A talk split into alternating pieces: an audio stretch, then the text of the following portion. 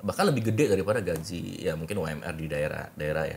Tapi dia Ya. masih berusaha buat dapetin lordnya itu menurutku agak ekstrim tapi masih bisa diamankan sebenarnya sama sama Omega.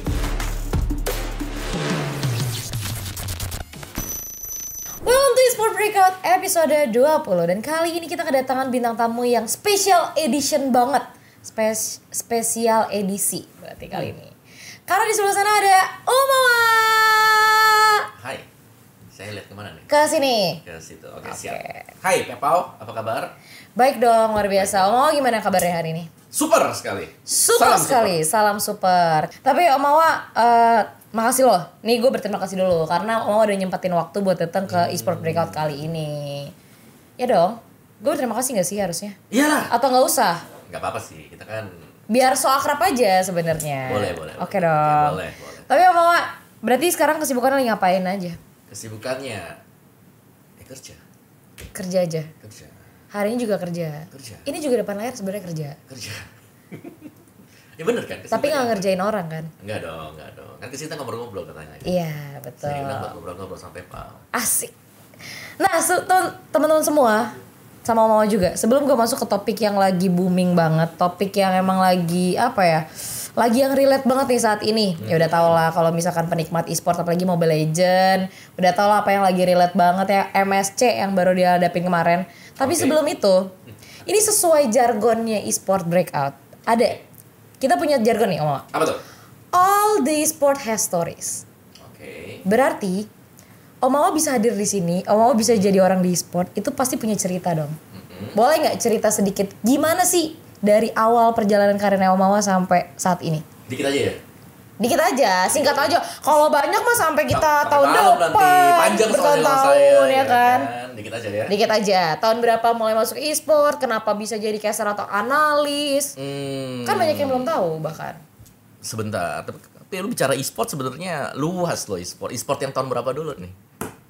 Awal masuknya tahun berapa nih? Aduh, berat banget kalau kayak gitu. Iya. Bener kan? Karena e-sport sebenarnya udah lama Ya, di luar sana betul. Hmm. ya kan. Tapi kalau buat kita sendiri boomingnya kan di tahun 2017 ke atas lah ya. Ya, betul. Semenjak internet udah bagus. Semenjak upload speed sudah tinggi. Nah, itu kan baru mulai dikenal tuh akhirnya e-sport e-sport di Ya mungkin dari 2017 kali ya, atau 16 dah. Ah, Jadi ya. gue mulai dari anggap aja omongan mulai dari 2016, anggap aja ya. Ya sebelum-sebelumnya udah sebenarnya. Oh ya. Iya dong. Kan dari e-sport 2000 dulu ini berapa? kan dari 2000 kompetisi. berapa nih pastinya exactly-nya? Maksudnya tepatnya itu dari 2000 berapa? Kalau Sebelum bicara 2016. e-sport, kalau aku bilangnya sih karena kompetisi ya, Ah. 2000. Wow, dari 2000. 2000. Waktu itu ngecaster, analis. Bukan dong, Apa? set player. ya semua mulai dari player, men. Zaman dulu mana Oh, Player, ada. player apa tuh tahun 2000? Player StarCraft, CS, Dota. Oh iya, Iyalah, saya player CS. masuk. Saya main CS gue doang. Tapi Dota saya nggak main. Makanya saya mulai agak kurang Hmm. pengetahuannya.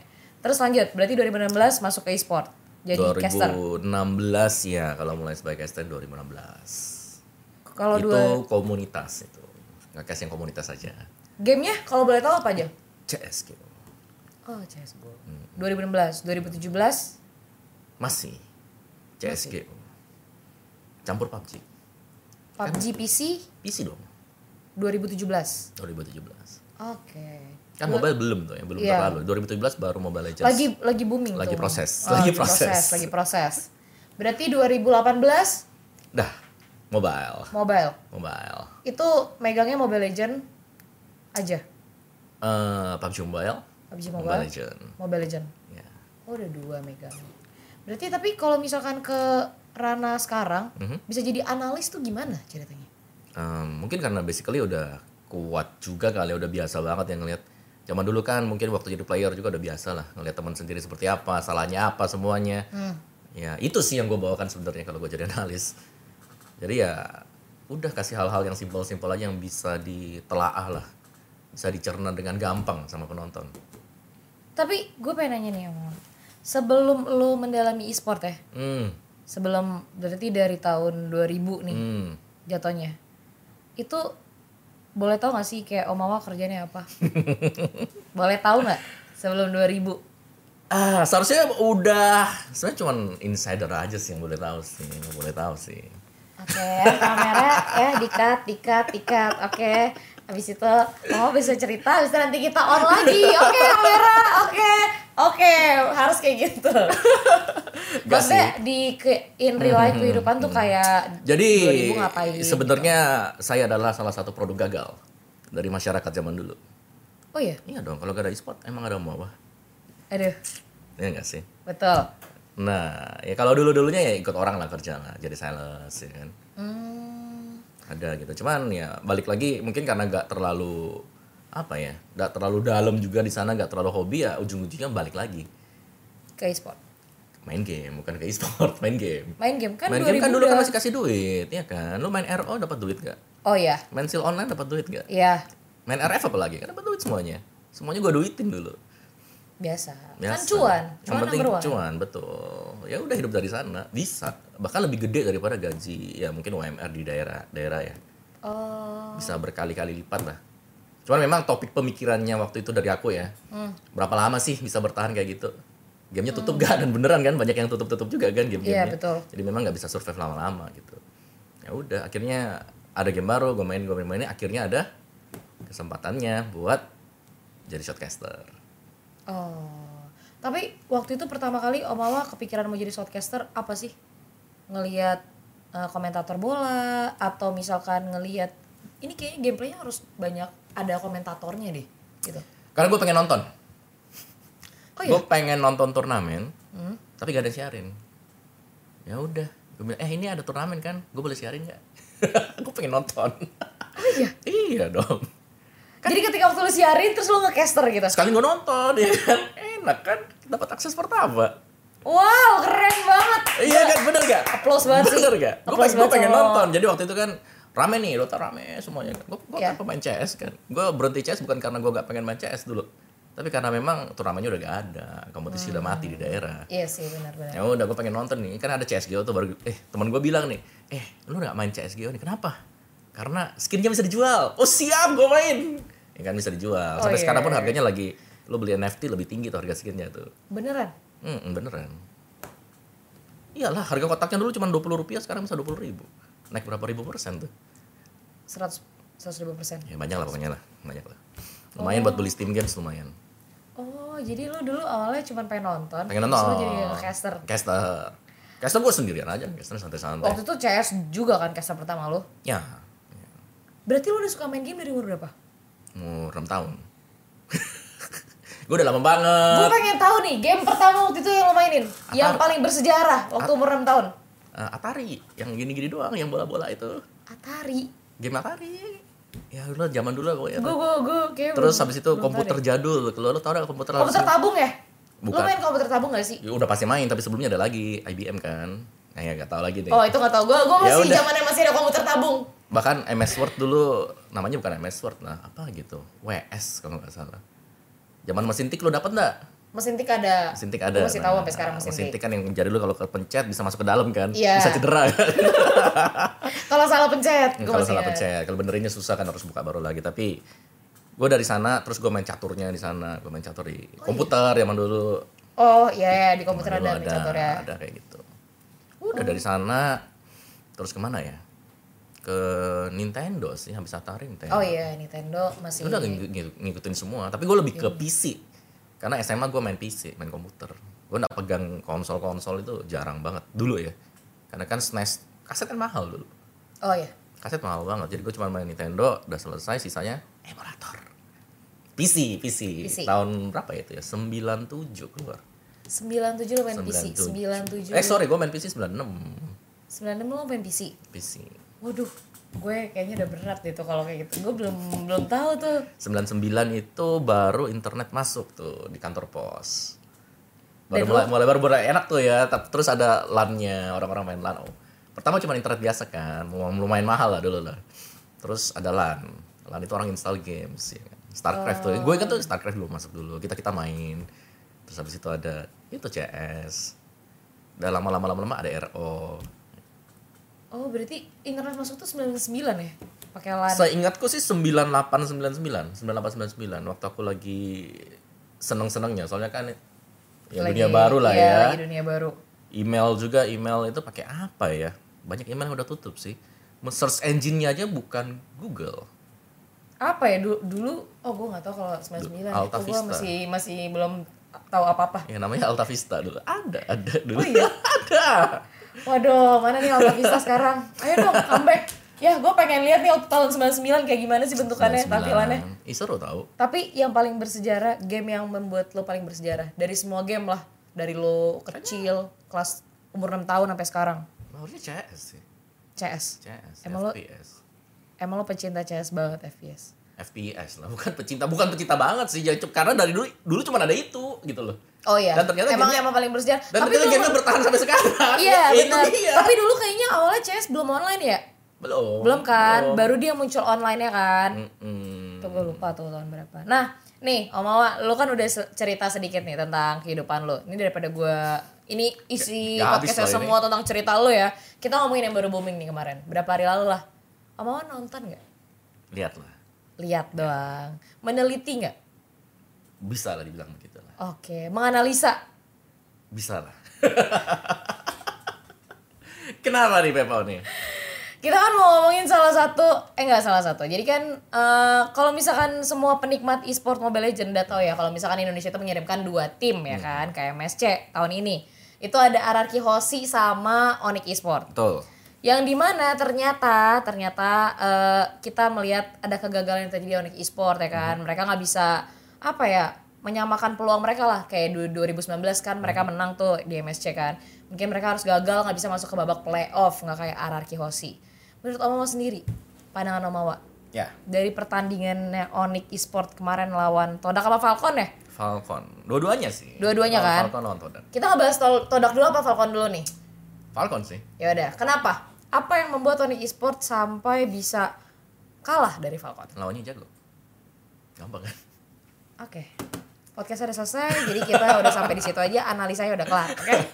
Gak, tapi Lawannya jago, ya tapi jelas. bener-bener kuat sih tapi eh, mungkin mereka kasih kejutan juga ya buat kita Eh, waktu Falcon pertama waktu Falcon lawan Todak dulu kan ya Falcon Hmm. ketemu Todak mereka seri satu sama mereka bahkan dapetin angka pertamanya dulu loh waktu lawan Todak ini Iya. jadi lumayan mengesankan pas pas aku lihat wow ini boleh juga nih Falcon nih nggak bisa diremehin terus di game yang kedua mereka ada sedikit percobaan ada percobaan dari Falcon mereka main Lancelot tapi Lancelotnya buildnya tank jadi mereka sebenarnya mereka bisa mungkin dapat dapat game yang kedua tapi karena buildnya tank mereka kurang damage-nya jadi mereka ya udah satu sama tapi di sana kita bisa melihat bahwa wah ini tim serem serem bisa lah buat kasih perlawanan ya buat tim dari Onyx terus beneran kejadian lawan Onyx mereka unggul di game yang pertama game kedua bahkan mereka 11-1 ya cuma kasih satu satu poin Iya. uh, buat Onyx aja jadi memang persiapan mereka menurutku mereka datang ke MSC ini matang banget mereka udah mempelajari semuanya lah dari lawan-lawannya mereka yang ada di group stage jadi makanya mereka kuat di group stage-nya nah kita nggak tahu nih mau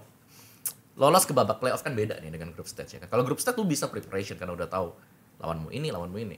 Hmm. Tapi di grup stage, ah sorry di playoff itu kan di draw lagi. Mereka gak bakal tahu lawan siapa nah. Kalau kita pengen bicara soal Falcon ya, kita harus lihat nanti di playoffnya nanti mereka mainnya gimana sih apa memang masih tetap konsisten. Hmm, Apa memang persiapannya jauh banget mungkin cuma dipersiapkan buat dua tim ini gitu loh. Buat liga doang. Buat Ya, babak buat liga. grupnya aja. Oh, oke. Karena begitu lu lolos ke playoff juga kan kalah sekali belum tentu kalah kan masih ada lower Iya, bracket. masih lower bracket. Tapi kalau misalkan eh, dari draft pick sendiri ah, banyak banyak eh, buka netizen ya yang mau komentari bukan netizen ya. Banyak eh, sependengaran gue dari Hmm. orang-orang yang ngomong juga ya sependengaran gue aja lah pokoknya nih Om Mawa. Kayak orang itu sebenarnya salah di draft pick aja. Sebenarnya mereka masih kuat, cuma salah di draft pick aja. Hmm. Itu gimana tanggapannya? Bukan salah di draft pick, tapi si Falconnya ngedrive, buat lo harus ngedrive ke sana. Oh, Jadi dia mainin sedemikian rupa karena kan, ya balik lagi mereka dapat datanya banyak kan. Oni kan ada di Ah, mana-mana. benar-benar. Sedangkan Falcon lu tahu dari mana? Gak tahu apa-apa. Gak tahu apa-apa gitu loh. Jadi mau gak mau dari Onyx mereka ambil mungkin draftnya mereka lebih defense lah ya. Kalau kita lihat kan draftnya mereka selalu ada Matilda waktu mereka pakai Falcon. yap. Jadi kalau kita bicara soal kita nggak pernah ketemu dengan ini tim, kita nggak berapa dalam mungkin dengan timnya. Ya healer mungkin adalah salah satu jawaban buat mereka bisa konsisten untuk tim fightnya. Matilda kan bisa ngasih itu, bisa ngasih heal, bisa ngasih escape juga. Dan itu dimanfaatin sama Falcon. Mereka banyak wow, agresif banget, nabrak semuanya. Dan bagusnya mereka ya mereka nutup juga cewek nggak dikasih main kan Iya. selalu diganggu gitu loh nggak nggak terlalu cepat buat jadi jadi ya memang Falconnya udah ini sih udah well prepared lah buat di group stage Waduh. Jadi menurut lo sebenarnya Falcon ini udah punya apa ya namanya? Punya resep lah buat Resep ngalahin sendiri. tim-tim yang main sama mereka gitu loh di, di grup. Oh, oke. Kalau misalkan dia Onyx sendiri tapi bisa nunjukin kekuatan dia dengan dia bisa seri loh sama Todok sebenarnya. Betul, betul. Seri pun menurutku eh gimana ya? Mereka kalah di game 1 itu lumayan sakit sih sebenarnya. Iya, itu Lumayan betul. Karena cuma satu momentum doang kita tahu lah eh, inhibitor udah habis sama semuanya tapi tiba-tiba satu momen kan kebalik. Eh susah sih kalau aku bahas yang satu sama dari Todak ya. Karena Todak di game kedua juga eh, ada Leslie di sana. Hmm. Bukan patokan yang marksman yang bener-bener kelas S yang sering dipakai kayak Iya. Beatrix, Clean Popo. Mereka pakainya Leslie malah. Jadi mungkin ya ya udahlah ya udah nggak bisa diapa-apain juga dan si todaknya udah pasti lolos ya kan. Jadi mereka balik lagi mereka udahlah kita simpen strats kita kita pakai hero lain buat draftnya. Oh. Jadi karena hal itu. Bisa jadi kan kita nggak tahu nih Kita lapangannya nggak gimana tahu nih kan gitu ki- loh. sebagai penonton aja. Hmm. Itu tanggapan dari Omawa juga sendiri kan, tanpa mengurangi respect ke coach-coach juga dan analis di luar sana Betul. ya kan. Tapi kalau misalkan Omawa sendiri ngelihat kan banyak banget harapan dari masyarakat Indonesia yang berharap Onik dan Ararkiwasi bisa masuk ya ke babak playoff. Setuju. Tapi ternyata Onik harus pulang duluan ya kan, harus pulang ke Indonesia. Tapi kalau misalkan kata ngelihat performa Ararkiwasi, mereka juga nggak kalah keras. Ya Arkiho sih juga kuat sih. Kan mereka first atau top seednya kita lah ya. Iya, Yang itu masuk betul. ke MSC. Top seed lah. Iya. Dan mereka juga ada di posisi puncak dari grup sih. Jadi menurutku masih oke lah. Dari Arkiho sih masih memenuhi ekspektasi lah buat kita para penonton. Yang aku nggak is- yang aku nggak expect nih ada Lemon yang main. Ada Lemon sama. dan dia memakai yang sama sama sama saya juga kaget main kaget apalagi dia masuk ke arah Goldland Iya. jadi memang satu satunya lain mungkin yang bisa di ini ya mungkin bisa digonta ganti gitu ya Iya. puzzle puzzlenya bisa dipindah ya antara gold lane-nya kalau kalian kan udah udah kuat sekarang Hmm. jadi goldnya ini bisa diganti kalau misalnya mereka nggak pakai hero-hero yang cukup meta lah istilahnya tanda petik ya Hmm. di gold kan kita tahu retail keluar juga itu buat hierarchy yang hampir tidak diberikan maniak itu Ya, em, bagusnya ya misalnya kalau kita lihat dengan Lemon yang main misal, ya Ya. kan, Em, mungkin dari sisi draft hero-nya yang bisa ngagetin lah lawan-lawannya. Bisa kaget nih, Lemon main nih, dia mau, dia mau pakai apa ya kira-kira ya? Mau main dual fighter atau mau main marksman? Marksman yang juga belum tentu one one clean popol kupa, bisa yang lain. Itu plusnya. dia banyak hero poolnya ya kalau misalnya Lemon Banyak banget dan bisa ditaruh di mana juga kan. ya itu Ya, betul soal dia bisa misalkan main di Lemon. mana-mana itu poin plusnya pastinya. nah tapi kalau misalkan kita ngelihat lagi nih kan Ararki kemarin lawan Omega nih ya kan Oke. Ini kita udah ngebahas Ararki karena kan kita udah ngebahas ya pokoknya nice try lah untuk Onik yang udah berjuang mati-matian ya mewakili Indonesia di ajang MSC 2022. Mungkin belum rezekinya. Betul. Atau kita positive thinking aja. Kalau kita ngelihat permainan Ararki ngelawan Omega kemarin, itu game satu jelas Ararki ngedominasi permainan dong, Omawa. Oke. Yang dimana Omega malah ngebalikin keadaan Di game yang di game kedua. selanjutnya yang kedua. Mhm. Ini menurut Omawa sendiri nih, apa sih yang buat Ararki harus ngebagi poin sama Omega? Hmm, mereka gagal sih sebenarnya buat kontrol di early. Kalau Gagal. Game yang kedua ya. Jadi kenapa gagal, agak mom- gagal momentum? gagal 5 menit awal kan penting banget nih sekarang nih. Karena jungle kan otomatis ke- kepotong XP dengan goldnya. Mm-mm. Kalau nggak dapetin junglenya. Dan Mm. itu diharas pertama kali purple-nya keambil kalau nggak salah di menit yang kedua. Di purple buff yang kedua. Red buff, red buff. Mm. Orange ya. Dia, diambil sama Karina. Tuh, Gitu. diambil dia. Jadi Karinanya nyebrang ke atas dan waktu Karinanya bisa nyebrang seperti itu juga ternyata bawahnya si Pakitonya ini bisa nahan R7 yang pakai Masya. Dia nahan dia bahkan ngebelakangin tuh, dia ngebelakangin, dia dapetin XP-nya, R7-nya harus pulang terus jadi R7 nggak bisa ngebantu. Temponya dipatahin, Karinanya bisa nyebrang akhirnya ke sana dan itu yang sebabnya kenapa snowball langsung dari Oh. dari si um, Omeganya. Jadi dari snowball itu ya udah dibawakan ke mid game, ke late game. Terus juga mungkin dari perebutan um, Lord mungkin ya waktu Albert datang itu juga dia tinggal satu kotak loh. Itu serem banget. Tapi dia Iya. masih berusaha buat dapetin Lordnya. Itu menurutku agak ekstrim tapi masih bisa diamankan sebenarnya sama sama Omega gitu. Jadi usaha yang ekstrim memang gak ada casualties, gak ada korban. Cuman telat gitu loh. Udah udah gak bisa diapain karena memang dari lima menit awalnya yang udah dipegang ya, dipegang sama Omega. Omega, oh gitu. Jadi kalau kita lihat kan dari RRQ mereka agresif banget kan. Tapi di game yang kedua sampai dengan menit yang ke-10-an itu total kill-nya tuh 6 atau 42 atau 31 gitu. Dikit banget. Dan itu itu adalah menurutku ya keunggulan dari region P- PH sendiri dari tahun-tahun kemarin juga. Kalau mereka bisa bawa gamenya sampai menit yang ke-10 Mm, dengan cuman selisih 0-1, mereka ketinggalan 4-2, ya nggak ada masalah. Mereka bakal bisa keep up sampai dengan masuk ke late game. Sedangkan kita dari region Indonesia ini kan region yang eksplosif ya. Ya, 6 menit kalau nggak menang di rank itu langsung suren tuh biasanya tuh. itu betul. Nah, itu dia tuh. Mungkin itu, itu yang membedakan kalau kita nggak dapat di early advantage-nya, masuk ke late game-nya lebih ke arah dunia dari region PH kalau bicara soal regionnya. Tapi kalau kita pegang yang early-nya, nah itu baru region ID maksudnya. itu betul. Ini eh bener ya? benar, benar, Lo- lo benar. 03 aja di, itu Benar. eh, suren nggak menit 0? Lah, iya. Kalau main sama publik ya, Gua random me- ya. Iya, gue meta Suren langsung udahlah Suren aja nih kalau kayak gini udah menit 6 kayak gini nggak nggak bakal ada masa depan ya ngeliatnya. Nah, kalau kalau sana enggak, mereka try hard. Mereka try hard. Mereka pelan-pelan pelan nge-build up. Kalau bisa dulu dibawa sampai 15 16 udah udah dunianya mereka tuh. Oh iya sih benar. Karena kita rata-rata kalau misalkan Indonesia tuh masih kemarin sempat ngebahas juga ya sama siapa sih? Eh Kolius, eh bukan Kolius. Yang eh, yang bilang kalau misalkan meta patch kita tuh fast game, early game, maksudnya Oh ya? nggak nyampe mid game.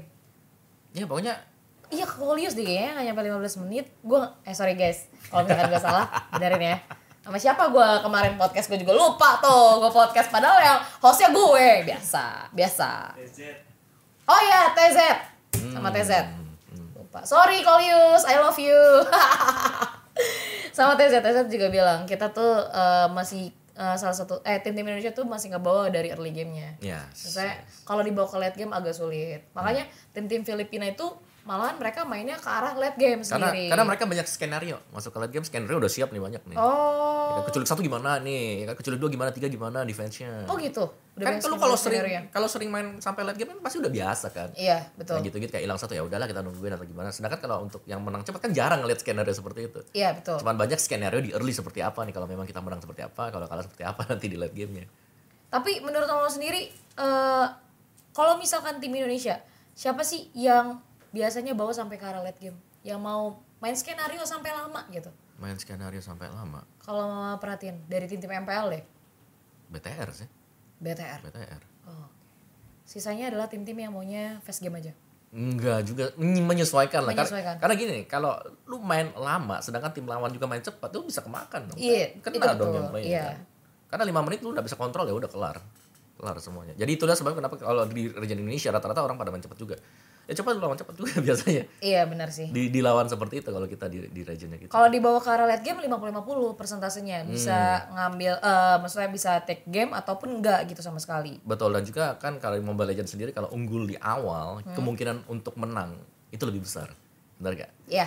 ya kan jadi ada lubang gitu snowball cepat tas langsung menang sedangkan kalau dulu lagi nahan kan bisa menang bisa kalah nih Nah, iya kan Iya, jadi iya. masih belum tentu gitu kalau main Makanya main game Iya, 50-50. 50 jatuhnya persentasenya. Tapi kan kemarin kalau misalkan nggak salah ya, yang lawan Omega tuh Lemon yang dimainin ya? bukan Eh, Skylar ya? Skylar ya, sorry sorry. Yang waktu ngelawan Omega kemarin itu Skylar yang mainin. Kalau misalkan Lemon yang dimainin, bakal ada perbedaan gak hasilnya? perbedaan apa dulu nih Hasil kalau akhirnya? gameplay ya pasti beda lah kalau gameplay ya pasti beda ada ada lemon Em, kalau hasil kita masih belum tahu kan satu sama nih kemarin. Kalau terusin pasti menang sih RRQ sih. 2-1 lah itu. Oh iya, Kan satu sama kan grup stats BO2. iya iya betul. Tapi maksudnya kayak kenapa lo yakin? Tapi itu tetap Skylar ya. Maksudnya nggak ganti Lemon Iya. atau diganti Lemon, jadi bakal bisa menang kalau dilanjutin. Tetep lah Skylar lah. Oke. Jadi lu lebih kayak maksudnya lebih pede menggunakan Skylar sebenarnya di RRQ masih. eh sama sih, dua-duanya punya poin unik lah ya. Kalau Skylar itu Beatrice kan kuat banget. Ya. Sedangkan kalau Lemon kita belum lihat nih. Beatrice seperti apa juga. Ya dong. Oh iya, cuman kan sekarang lagi mereka meta cuman- banget nih Beatrix kan. Iya sih, benar, Beatrix Apalagi meta banget. bicara soal P- PH nih ya. Beatrixnya ini ini udah region yang Beatrix banget. Apalagi sekarang Beatrix ini nggak sendirian, dia ditemenin oleh partnernya. Namanya Franco. Wow. Ih barengan terus terus lu lihat ya R- RSGPH itu mainnya Matrix Franco sepaket karena kena Iron Hook sekali di shotgun hilang langsung Wow. iya jadi jadi itu kayak combo-combo bisa matiin em, hero-hero yang cepet-cepet juga itu dipakai sama mereka jadi sebenarnya meta yang sekarang juga tergantung draft sih Iya. apapun yang terjadi draftnya ini paling penting siapa yang bisa dapetin one one dulu mungkin untuk first pick ya kan Eh, ngamanin Franco-nya juga nanti seperti apa Matrixnya jatuh di mana. Macam-macam lah tergantung kebutuhan dari timnya. Dan rata-rata kita lihat memang kan jungler sekarang udah mulai alih fungsi ya. Iya. Junglernya nggak cuma jadi eh, damager gitu. Kalau junglernya yang tank, kiri kanannya yang harus kuat. Kalau junglernya mungkin udah em, tajam, berarti yang kiri kanannya yang agak sedikit tanky lah ya biar bisa main nanti di late game. Oke, dan gue kaget agak ngelihat Lancelot dengan build tank itu loh. Ah. Agak- Ada di Falcon. iya, itu hadir dari Hadir. kayak- Hadir. Ken. Kalau Karina build tank udah biasa. Betul. Eh, apa lagi ya? Assassin-assassin dengan build tank. Yang gue kaget adalah Lancelot pakai build tank. Tanknya. Dan mereka- Iya, dan mereka percaya diri. Percaya diri untuk mainin Lancelot dengan build tank yang lo lo tadi Ya, bilang ya, sama ya. Cuma nyoba-nyoba doang. Ya, itu nggak tahu sih mereka lagi mikir apa ya itu ya. Wow, gila Lancelot. Oke, tapi tank lah. Skala lagi, tapi ya mungkin ya udah nyoba aja. Nyoba aja. Kali aja bisa menjadi pencetus Karina Tank juga kan. Jadinya Lancelot Tank. Kan kita nggak ada yang Hmm. Lancelot tahu. Tank. Ya Betul. kan? Tapi kalau ngomongin soal anarkiwasi lagi nih. Hmm. Kan mereka tuh sama menang lawan IDNS ya. IDNS betul. Itu menurut lo apa sih kunci kemenangan dari anarkiwasi bisa ngel- bisa menangin permainan kali itu? Apa ya mereka lebih fresh aja sih dan juga mungkin menang tanda petik menang mekanik lah dibandingkan dengan IDNS. Hmm. Jadi ya udah mereka udah menang apa menang percaya diri, menang apa semuanya udah. Roll on aja 2-0 langsung buat ketemu dengan IDNS. Tapi kalau misalnya menurut Om Om sendiri, sebenarnya kalau ketika lo udah memenangin satu game gitu, itu percaya diri percaya diri t- dari tim itu ngaruh banget gak sih ke gameplay selanjutnya? ngaruh lah pastilah kita menang 2-0 pasti nextnya ini pressure-nya kurang ya kan lebih kurang dibandingkan dengan lawannya kita ya kan Araki mereka menang 2-0 sedangkan Omega ketahan satu sama pressure-nya buat Omega dong. Iya, betul. Omega kalah gimana Oke Om Mama, kan kita udah ngebahas tentang Anarki Hoshi. Ya. Dan congratulations Anarki Hoshi, kamu bisa mempertahankan tim Indonesia ya. Untuk bisa masuk ke babak playoff, buktikan kalau kamu bisa menjadi juara MSC di tahun ini, ya kan? Kita kan berdoa semua rakyat Indonesia ya. Tapi menurut Om Mama sendiri, dua tim yang paling berpotensi buat juara di MSC. waduh sudah jelas Yang pertama sudah, yang keduanya belum. Kan ambigu kan dua, betul betul berpotensi. sebentar lu pertama siapa coba Arakiyoshi, kan kita tetap Indo Indo Pride dong. Betul. Yang keduanya nggak tahu. yang keduanya kalau aku ngelihatnya ya dari secara keseluruhan eh, keseluruhan di grup stage udah jelas dong RSGPH satu-satunya tim yang poinnya sempurna 6 Wow, udah pasti. Nah, yang pasti bikin. ya kan yang lainnya kan empat empat ya kan dia enam nih sendirian nih belum kalah Itu lawan terkuat sih sebenarnya. yes itu PR terbesar lah nanti Kalau dari pandangan Om Om sendiri, apa sih yang bikin RSG HPH ini PH. bisa apa ya kuat banget? Em, karena dari keunggulan pemainnya sih dari berbagai lininya ya di XP Mekanik ya? mekaniknya sih ya. mereka cukup tinggi juga kerjasamanya juga apalagi kerjasama timnya jalan mekaniknya dapat nah, itu membuat mereka jadi super tim sekarang kayak misalnya Esmeralda lawan Dairot yang Hmm. menang bisa Esmeraldanya loh dibandingkan dengan Dairot ya kan itu itu berarti bahwa experience kuat kan si Nuts itu Hmm. terus juga kemarin kita lihat Eman dengan Matrixnya dia Ya. itu juga kuat banget belum lagi Karinanya kalau dipegang dengan si eh, Demon Kite Hmm. kan salah satu unggulan kan Demon Kite itu pakai Karina Iya. Yes, dan eksekusi mereka sih sempurna. Sejauh kita melihat sih sempurna banget. Karena ditopang dengan kiri kanan yang jarang buat kalah, jarang buat kena pressure. Tengahnya ini enak buat jalan-jalan mau kemana-mana. Dia tinggal jalan, nyambut gayung aja. Mungkin eh di bawah half HP, jemput dong gitu langsung datang ke sana. Crossing lewat rivernya juga berani dia. Serba dapat sih buat buat dari R- RCPH. Dan menurut lo lawan terberatnya Arakiyoshi adalah PH. RSGPH. Wow. Tapi kalau misalkan kita ngelihat dari grafiknya mereka walaupun mereka kalah grafik mereka tetap bisa mengungguli permainan. Bisa sih, tapi kalau bicara kalah draft kan kita nggak tahu nih Ya. ya. PH itu kuat loh draftnya. Apapun yang terjadi mereka bisa kayak nemu celah buat keluar dari sana. Draft-draft misalnya lu matiin hero-nya nih, misalnya Beatrixnya dimatiin, ada aja hero yang lain yang bisa dipakai sama mereka. Masih ada lagi yang kedua, ada yang ketiga gitu. Jadi nggak melulu soal hero-hero itu aja. Dan menurut lo siapa pemain yang paling berpengaruh? Di RSG Ya. em, banyak sih tiga lininya, tapi kalau lebih frontal lagi XP lanernya. Jadi gua lagi nunggu nih sebenarnya. RSG ketemu dengan RRQ pengen lihat R7 lawan Nuts. Wuh, tuh ditunggu ya. Eh guys, tapi eh, ini pengumuman sekedar info ya, breaking news, eh breaking news apa? Sekilas info terbaru. Kalau misalkan ini kita syutingnya tuh tanggal 13 hari Senin. Jadi kita belum maksudnya hari Senin ini baru kelar kemarin babak liganya si Arakiyoshi sama Onik ya hari Sabtu Minggu ya kemarin. Dan kita syutingnya hari Senin. Jadi kalau misalkan kalian bilang kayak ini ngomongin apa sih kan udah lewat. Karena tayangnya nanti hari Rabu guys. Hmm. Oke? Jadi tetap dipantengin terus sampai akhir ya. Kalau yang nggak mau ketinggalan info-info, oke? Karena ini omongan dari Om Awat tua loh. Waduh, Harus didengerin. termuda dong. Termuda. Termuda. Tetua itu kayak omongan yang harus di respect, dihormatin. Tapi bener loh, banyak poin-poin penting yang kalian bisa dapat insight-nya dari Om Awat. Jadi nggak boleh ditinggalin podcast kali ini, ya kan? Betul. Jadi lo men- menunggu banget nih Expilen. Nunggu. Seven ketemu sama Nats. Sangat, sangat, sangat. Dan menurut lo siapa yang bakal mendominasi? 50-50 sih.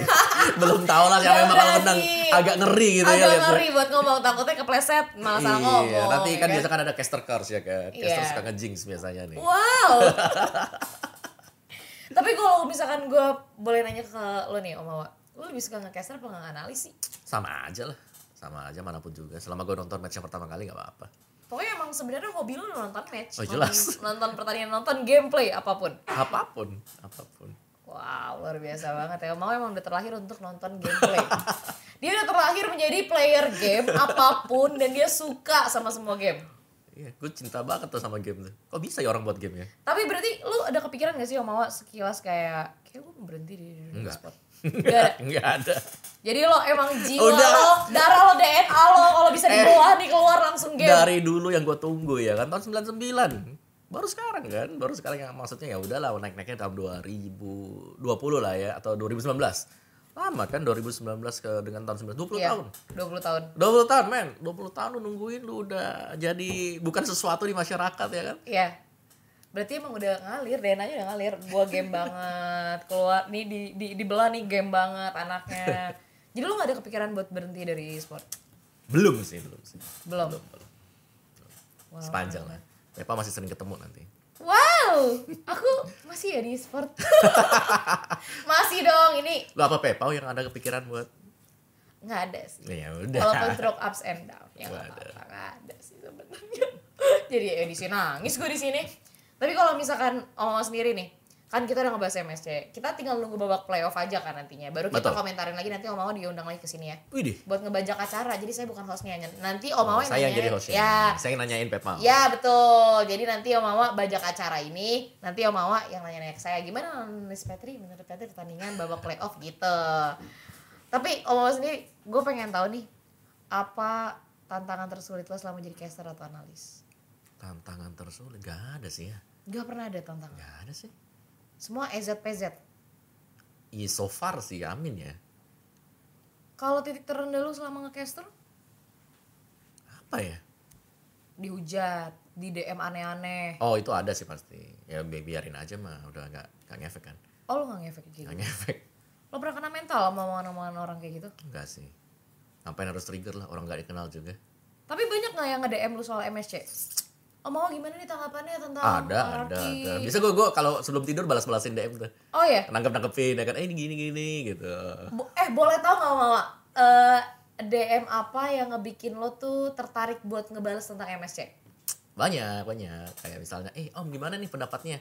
Kok dia pakai ini ya? Padahal pakai harusnya kan bisa ini gitu. Nah kan jadi bisa balas-balasan tektokan gitu. Ya, oh lo balesin ya? balesin saya saya orangnya cinta balas kayak gitu kalau keluarnya tiba-tiba bang lu tua nah itu gue udah balesin kalau itu Oh tapi kalau ngebales tentang kalau ngebahas tentang in game gue balesin dia kan DM-nya baik-baik ya gue jawabnya baik-baik juga Ya betul, gitu. itu juga ilmu buat mereka juga yang nggak ngerti ya Ya. kan Takutnya kan nggak ngerti makanya nanya sama yang lebih ngerti Betul. kan Betul Oke Om Mama, kayaknya udah cukup sekian nih kita udah podcast panjang lebar Kayak udah satu setengah jam ya, kayak udah mau dua jam Hmm. Nggak Nyampe sih sebenarnya Tapi ya nggak apa-apa teman-teman semua Kalian yang kayak mau tahu eh, seputar e-sport terbaru kalian bisa langsung kunjungi web- website dari resmi Kincir yaitu www.kincir.com jangan lupa juga di follow Instagramnya dari Kincir e-sport kincir.e-sport Instagram YouTube ya diterang notifikasi di subscribe subscribe subscribe tuh langsung like share komen komen Om Awa datengin lagi dong komentarin nih soal babak playoff gitu